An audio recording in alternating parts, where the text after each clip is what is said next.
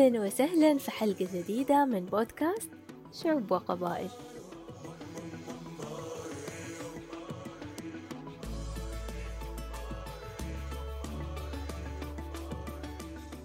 على الرغم من كل التطور اللي وصل له العالم إلا إننا نتفاجأ إنه لسه في ذا الزمن وعلى نهاية 2021 وعلى نفس الأرض اللي بنعيش عليها في شعوب وقبائل بتعيش حياة بدائية جدا. بعيدة كل البعد عن التطور والحضارة.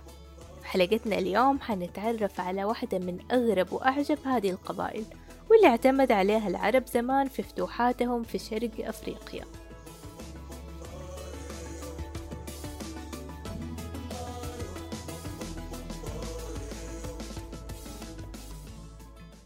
قبيلة أو شعب الماساي من القبائل البدائية الموجودة في جنوب كينيا وشمال تنزانيا. ولو رحتوا زنجبار حتشوفوهم منتشرين في السواحل بيبيعوا الإكسسوارات اللي بيصنعوها. حتقدروا تميزوهم على طول من لبسهم الملون اللي بيغلب عليه اللون الأحمر وإكسسواراتهم المميزة المصنوعة من الخرز.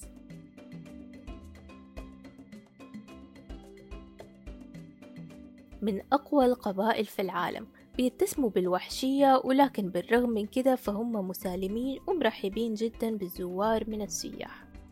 عددهم أكثر من 800 ألف شخص وبيتكلموا اللغة السواحلية ولهجات تانية محلية.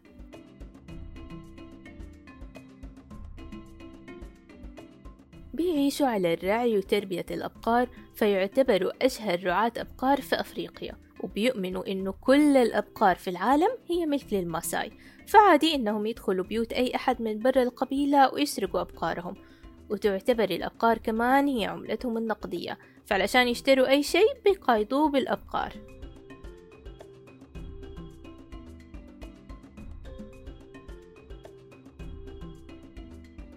أغلبهم بيؤمنوا إنه الإله بيعيش فوق فوهة جبل بركاني في تنزانيا وإنه نزل من السماء وأنزل معاه الأبقار ووهبها لأفراد القبيلة. علشان كده بيعتبروا الجبل هذا مكان للحج بيروحوا يتعبدوا ويتضرعوا عنده. وإذا ثار البركان فبيعتقدوا إنه من غضب الإله. فبيقدموا الأضاحي علشان يسامحهم. في قليل منهم اعتنقوا الإسلام وكمان المسيحية.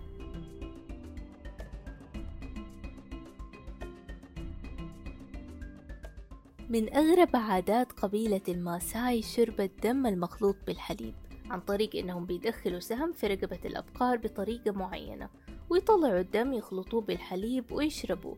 فبيعتقدوا إنه مفيد لتقوية المناعة لأنه غني بالبروتين والحديد والكالسيوم ويعتبر شرابهم التقليدي فبيشربوه في الاحتفالات الخاصة والمناسبات وكمان لعلاج الأمراض.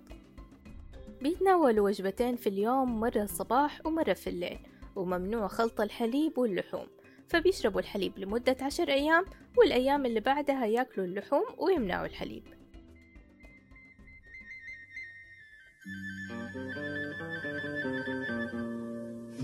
قصص الشعوب في قصص الشعوب. طرائف لا تنتهي وعالم حي بهي يسكن في القلوب في قصص الشعوب.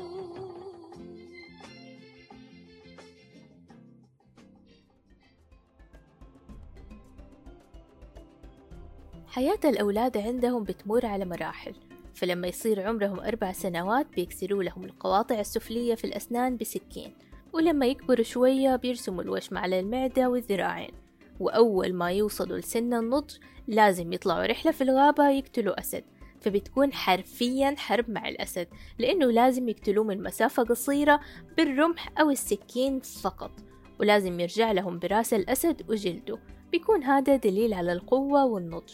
وإثبات أنه صار محارب شجاع وبينتمي لقبيلة الماساي لأنه لو ما قدر يقتل الأسد معناها أنه جبان وهم ما بيعترفوا بالجبان إنه محارب منهم وبما إنه جبان فكمان ما حيقدر يتزوج. بعد ما بيرجع المحارب من رحلة صيد الأسد بيعملوا له احتفال كبير بيستمر لمدة أسبوع وبيعطوه درع خاص من القبيلة. وبيطلع بعدها يعيش في الأدغال فترة طويلة جدا يتعلم خلالها عادات وتقاليد القبيلة ويزيد قوته البدنية.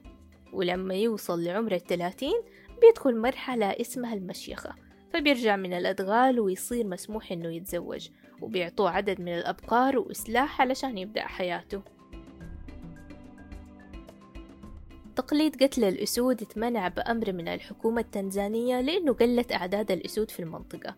فصاروا المساء يقولوا إنهم ما بيقتلوا الأسود إلا إذا اعتدت على أبقارهم ولكن في الحقيقة ما زالت في ممارسات غير قانونية بس صار ممكن يشترك عشرة في قتل أسد واحد.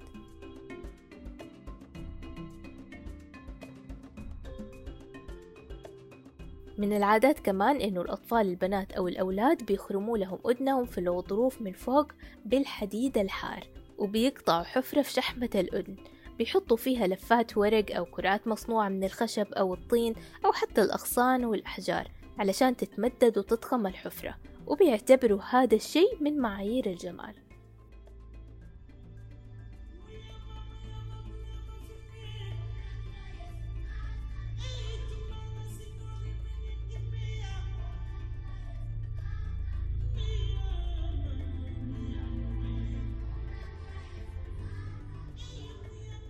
بالنسبة للزواج عندهم فالرجال ممكن يتزوج أي عدد يبغاه من النساء.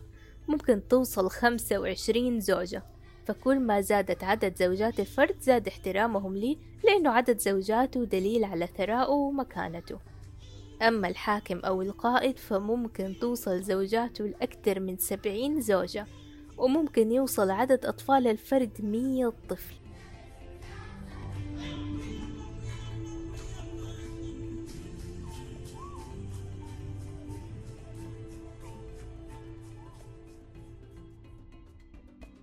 المهر بيكون طبعا عبارة عن أبقار بيبدأ من بقرتين ويزيد حسب مكانة العروسة. ومن الأشياء الغريبة إنهم ممكن يزوجوا البنات من قبل حتى لا ينولدوا فبتصير محجوزة لشخص معين ممنوع بعد كده تتزوج أي أحد غيره.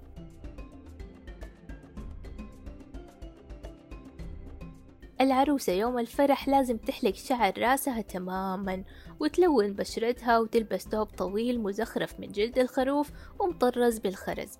ولما تخرج من بيت أهلها ممنوع تلتفت وراها. لاعتقادهم إنها كده حتتحول لتمثال حجري.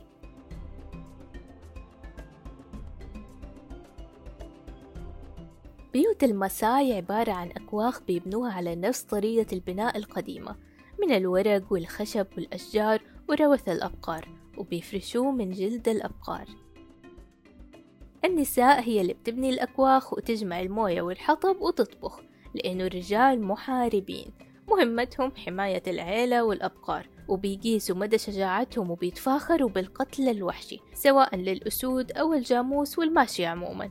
فكل ما زادت وحشية القتل زادت رجولتهم وشجاعتهم وبيتفاخروا كمان بالقوة العضلية وخفة الحركة والرشاقة.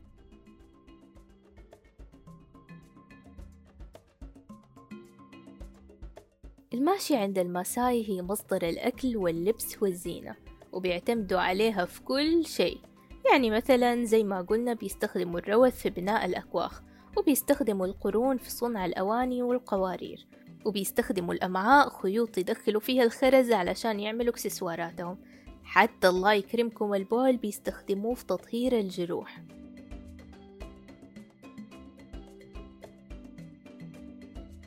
الاستحمام والنظافة عند الرجال نادرة وبتكون من الموية اللي بتتجمع من الأمطار والأنهار وبتشرب منها الماشية. الغريب إنها هي نفسها الموية اللي بيشربوا منها فغير إنها مكان للاستحمام هي كمان مصدر للشرب سواء لهم هم أو للماشية.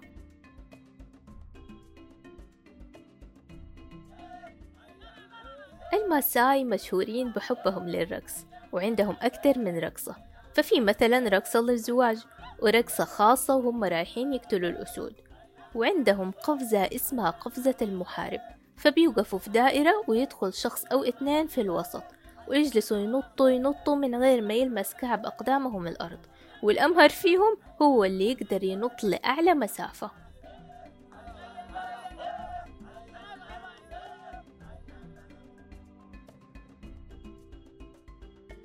أكيد لاحظتوا إنهم بيؤمنوا بالأساطير والخرافات إيمان كبير جدا.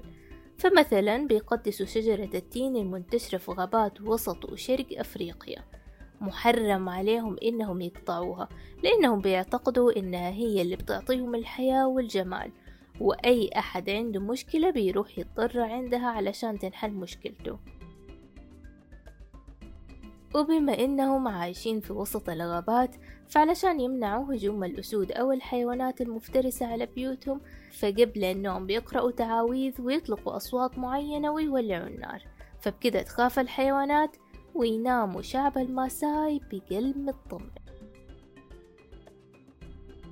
قبيلة الماساي ما بيدفنوا موتاهم لأنه بيعتقدوا إنه الدفن حيضر التربة وبيؤمنوا إنه الشخص اللي توفى هو خلاص أنهى رحلته. فبيلطخوا جثته بالدم أو دهن حيوان ويسيبوها في الأدغال علشان تتغذى عليها الحيوانات المفترسة. في السنين الأخيرة صارت مناطق قبيلة الماساي مركز جذب للسياحة سواء في تنزانيا أو كينيا. ناس كتير صار عندهم فضول يزوروهم ويشوفوا حياتهم على الطبيعة. وهذا شيء آمن لأنه زي ما قلت لكم هم مسالمين جدا مع الزوار. فلو تحمستوا تشوفوهم على الطبيعة تقدروا تروحوا. في القرن الواحد وعشرين ومع كل تطور العالم بيتطوروا خليكوا فاكرين إنه لسه في شعوب وقبائل عايشين على فطرتهم وطبيعتهم عايشين نفس طريقة أجدادهم ومحافظين على كل تقاليدهم وعاداتهم اللي صار لها قرون بدون أي تغيير أو تطور. شعوب لسه بيعتمدوا على الماشية علشان يصنعوا الأواني وبيولعوا النار في الليل بحك أغصان الشجر في بعض وبيعتمدوا على الشمس والشروق والغروب علشان يعرفوا الوقت. شعوب عايشين معانا بس بعيدين كل البعد عن كل الاختراعات والأجهزة. عايشين حياة بدائية وكأنه الزمن وقف عندهم. وصلنا لنهاية رحلتنا اليوم في القارة السمراء. كنت معاكم أنا مهجة أحمد وبودكاست شعوب وقبائل. من كل بلاد الدنيا من كل بقاع الأرض قصص شتى تروى حتى. نعرف أحوال الإنسان والكل هنا جيران فإذا زرناهم بالصورة في أحلى الدنيا مسحورة كي نتسلى. صرنا أحلى. فإذا زرناهم بالصورة في أحلى الدنيا مسحورة كي نتسلى. صرنا أحلى.